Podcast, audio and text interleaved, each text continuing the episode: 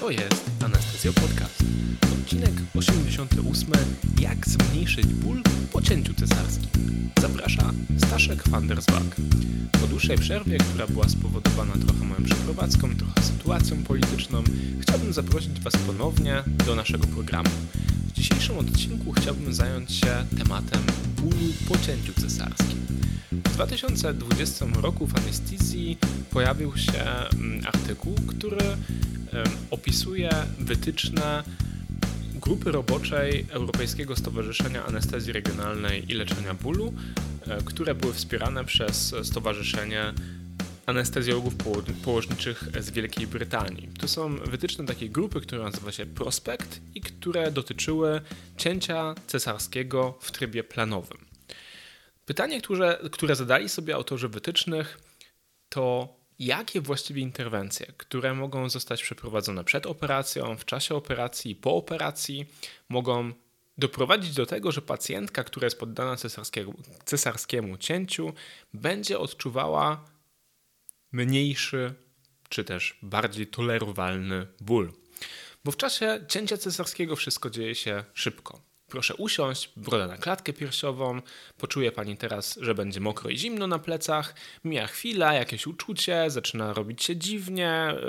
Y, pacjentka znowu się kładzie, dookoła wszyscy bardzo um, podekscytowani rozmawiają o różnych rzeczach, z których niewiele się rozumie. Ktoś coś przykleja i zaczyna się. Mijają może 3 minuty, na sali słychać płacz. Pacjentka diametralnie zmienia swój wyraz twarzy, uśmiecha się, e, pewnie pojawiają się jakieś łzy wzruszenia, e, tyle pozytywnych emocji na jednym obrazku. Jako anestezjolog mamy, czy jako anestezjolodzy mamy o tyle dużo szczęścia, że oglądamy, znieczulając pacjentkę do cięcia cesarskiego, ten szczęśliwy obrazek, te łzy wzruszenia, tą radość, e, tą, tą wspaniałą chwilę, kiedy matka, dziecko, ojciec mm, tworzą nową rodzinę albo powiększają swoją rodzinę, natomiast tego, czego nie widzimy, to to, co dzieje się z tą pacjentką, kiedy znieczulenie, które podaliśmy do cięcia cesarskiego, przestaje działać. A później bywa nieprzyjemnie, ponieważ cesarskie cięcie dla większości matek wiąże się z bólem pooperacyjnym o stopniu od umiarkowanego do nasilonego. W tym kontekście może on być szczególnie nieprzyjemny, bo nie dość, że opóźni czas do wypisu, a babcia chce już zobaczyć wnuka, to może też prowadzić do zaburzenia tworzenia więzi między matką a dzieckiem, która podświadomie może obwiniać dziecko o ból, który jej spowodowało.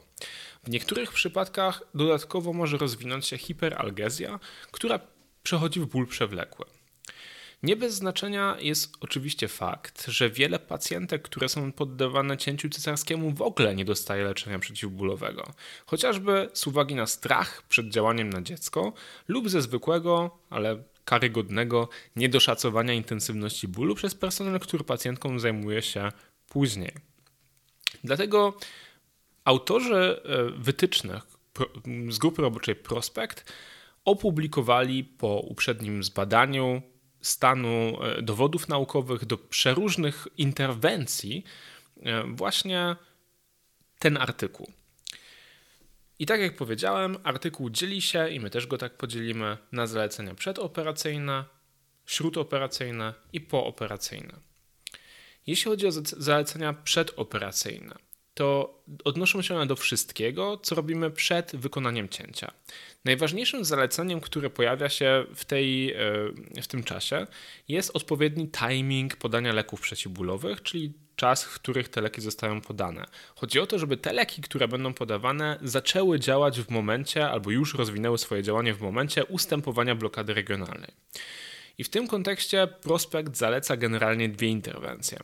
Pierwszy, pierwsza interwencja to jest dodanie morfiny od 50 do 100 mikrogramów do znieczulenia podpajęczynówkowego. Alternatywnie można podać też 2 do 3 mg morfiny zewnątrzoponowo w przypadku, kiedy stosujemy e, CSE, czyli e, łączone znieczulenie podpajęczynówkowe i nadoponowe. Te dawki morfiny, czyli od 50 do 100 mikrogramów, w badaniach osiągały odpowiednią skuteczność przy jednoczesnym akceptowalnym profilu działań niepożądanych. Wiemy, że morfina podana e, podpajęczynówkowo do przestrzeni podpajęczynówkowej może wiązać się z nasilonym świądem i może wiązać się również z niewydolnością oddechową, czy ze zmniejszeniem napędu oddechowego po operacji. Te dawki od 50 do 100 mikrogramów okazywały się być dawkami skutecznymi. Drugim zaleceniem, które również ma siłę A, i to jest zalecenie, które muszę Wam powiedzieć, w moim szpitalu nie było wcześniej stosowane, ale dodaliśmy je do naszego, do naszego postępowania w tym przypadku. To jest podanie doustne paracetamolu przed operacją. To jest też zalecenie, tak jak powiedziałem, o sile A, czyli mamy silne dowody naukowe na to, że podanie doustne tego paracetamolu jest skuteczne. Dlatego u nas w szpitalu wszystkie pacjentki, które są poddawane e, elektywnemu cięciu cesarskiemu, otrzymują w tej chwili 1 gram paracetamolu przed operacją. Drugą grupą zaleceń są zalecenia śródoperacyjne. Śródoperacyjne w tym kontekście oznacza podanie leków zasadniczo po urodzeniu dziecka, czyli po zaklemowaniu pępowiny, a przed końcem operacji.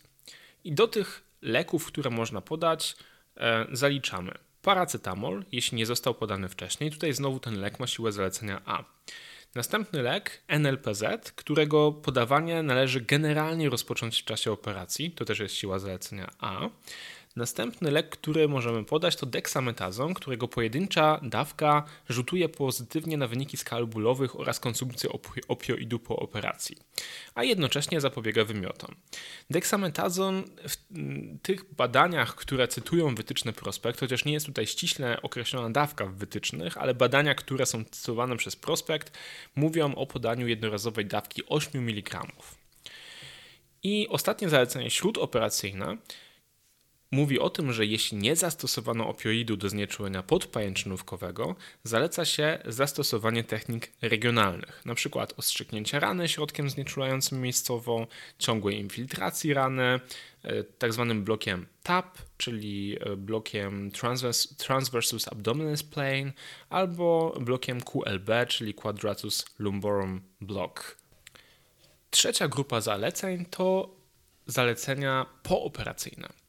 I teraz tutaj mamy jakby kontynuację y, terapii, którą zaczęliśmy wcześniej. Po pierwsze, paracetamol możemy podawać doustnie, albo jeśli pacjentka nie może przyjmować leków doustnych, to dożylnie, ale w każdym razie powinniśmy go podawać w stałych interwałach czasowych po operacji, ponieważ zmniejsza to zużycie opioidów, które są stosunkowane ratunkowo. I tutaj znowu paracetamol ma siłę zalecenia A.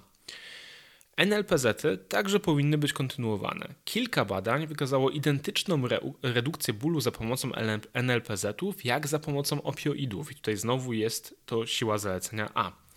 W chwili obecnej nie wykazano przewagi konkretnych substancji z tej grupy nad innymi. Także dowolny NLPZ, który w waszym szpitalu jest stosowany i do którego macie zaufanie, może być podany u pacjentek, które są poddawane cięciu cesarskiemu. Trzecie zalecenie Tutaj mamy siłę zalecenia D. To zalecenie o tym, że opioidy powinny być stosowane tylko jako analgezja ratunkowa lub gdy inne techniki są niemożliwe do zastosowania z takiej lub innej przyczyny. I e, siła zalecenia A, ostatnie zalecenie, dodatkowe metody takie jak TENS, czyli przeskórna stymulacja lub słuchanie muzyki przez słuchawki mogą dawać dodatkową redukcję bólu. Szczególnie to ze słuchawkami i muzyką wydaje mi się, że jest przez nas czasami trochę niedoceniane. O tym właśnie jak techniki, które odwracają uwagę albo pozwalają skupić się na innych rzeczach, również techniki e, relaksacyjne, medytacyjne, mindfulness, to są wszystko rzeczy, które myślę, że w kontekście badań naukowych w terapii bólu w kolejnych latach będą przeżywały swoje szczyty popularności. Istnieje też kilka zaleceń, które Prospekt przygotował dla naszych kolegów i koleżanek, które pracują po drugiej, drugiej stronie bariery krew-mózg.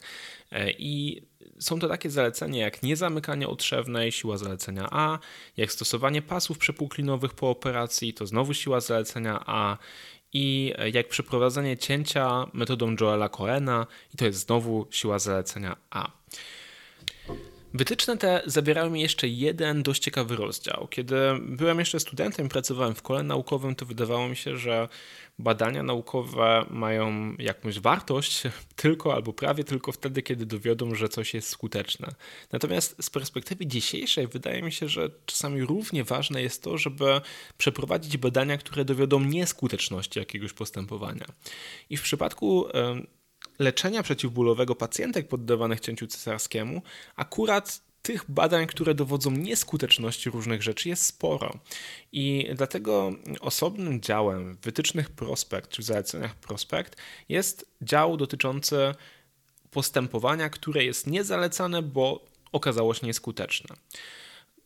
To są rzeczy, które czasami są modne i o których czasami wiemy, że działają w innych operacjach. Dlatego tak ważne jest to, żebyśmy wiedzieli, czego mm, nie powinniśmy stosować. I rzeczy, które są, czy postępowanie, które jest nieskuteczne w przypadku uśmierzenia bólu u kobiet poddawanych cięciu cesarskiemu, to chociażby gabapentyna, ketamina dożylna, dexmedotomidyna, tramadol, który podawany jest dożylnie, klonidyna do, dodawana do znieczulenia podpajęczynówkowego, dexmedetomidyna dodawana do znieczulenia podpajęczynówkowego, buprenorfina zamiast morfiny do znieczulenia PP, hydromorfon zewnątrzoponowy, midazolam do znieczulenia podpajęczynówkowego, neostygmina do znieczulenia podpajęczynówkowego.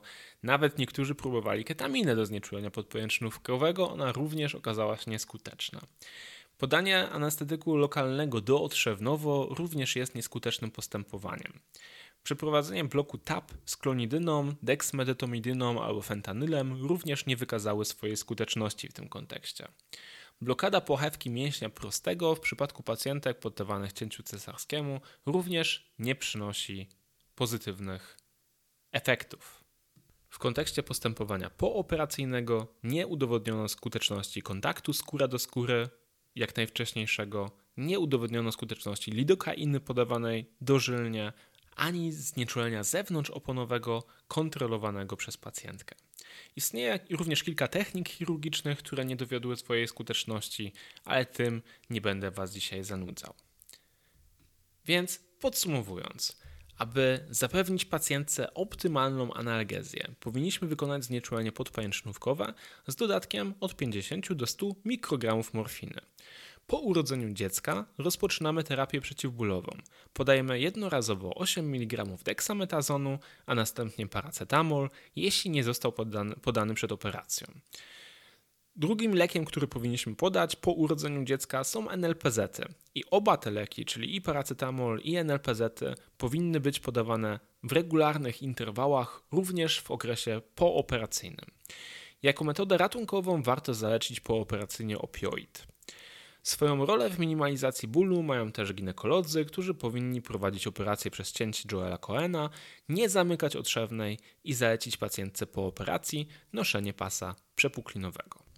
Jako anestezjolodzy bardzo często chcemy widzieć w sobie nie tylko specjalistów od znieczulenia, ale także specjalistów od opieki okołooperacyjnej. Około, czyli i przed, i w czasie, i po. I dlatego jesteśmy przynajmniej współodpowiedzialni za to, żeby pacjenci, którzy poddawani są operacjom, również po operacji mieli sensowny poziom leczenia przeciwbólowego. W dzisiejszym odcinku omawialiśmy zalecenia prospektu dotyczące konkretnie cesarskiego cięcia ale chciałbym polecić Waszej uwadze fakt, że wytyczne prospektu występują również dla wielu innych operacji i są regularnie aktualizowane. Jeśli jeszcze nie znacie tych wytycznych, a chcielibyście się z nimi zapoznać, to zapraszam Was na stronę Europejskiego Stowarzyszenia Anestezjologii Regionalnej, czyli European Society of Regional Anesthesia. Możecie wpisać tę nazwę w Google, zostaniecie przekierowani na stronę główną tego, tej organizacji i tam możecie znaleźć odnośnik do e, grupy roboczej Prospekt i do wszystkich wytycznych, które zostały przez tą grupę roboczą opublikowane na przestrzeni lat. To jest ciekawa lektura i myślę, że pozwala nam optymalizować postępowanie pooperacyjne czy śródoperacyjne tak, żeby pacjenci, których, e, którymi się opiekujemy, odczuwali również po operacji jak najmniejszy ból, bo brak bólu po operacji to też mniejszy odsetek powikłań.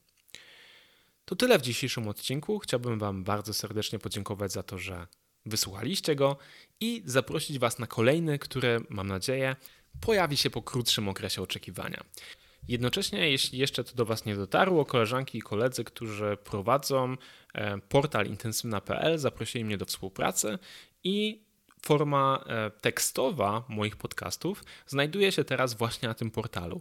Link do artykułu, do wpisu o bezbolesnym cięciu cesarskim, czyli o wytycznych prospekt dla chirurgów i anestezjologów, znajdziecie w opisie do tego podcastu, zarówno na, e, na, w swojej aplikacji do podcastów, jak i na stronie laryngoskop.eu. I tam znajdziecie przekierowanie do wersji tekstowej, gdzie te wszystkie zalecenia, o których dzisiaj mówiliśmy, znajdziecie opisane. I to wszystko na dzisiaj. Życzę Wam dobrego dnia i do usłyszenia w następnym odcinku. Cześć!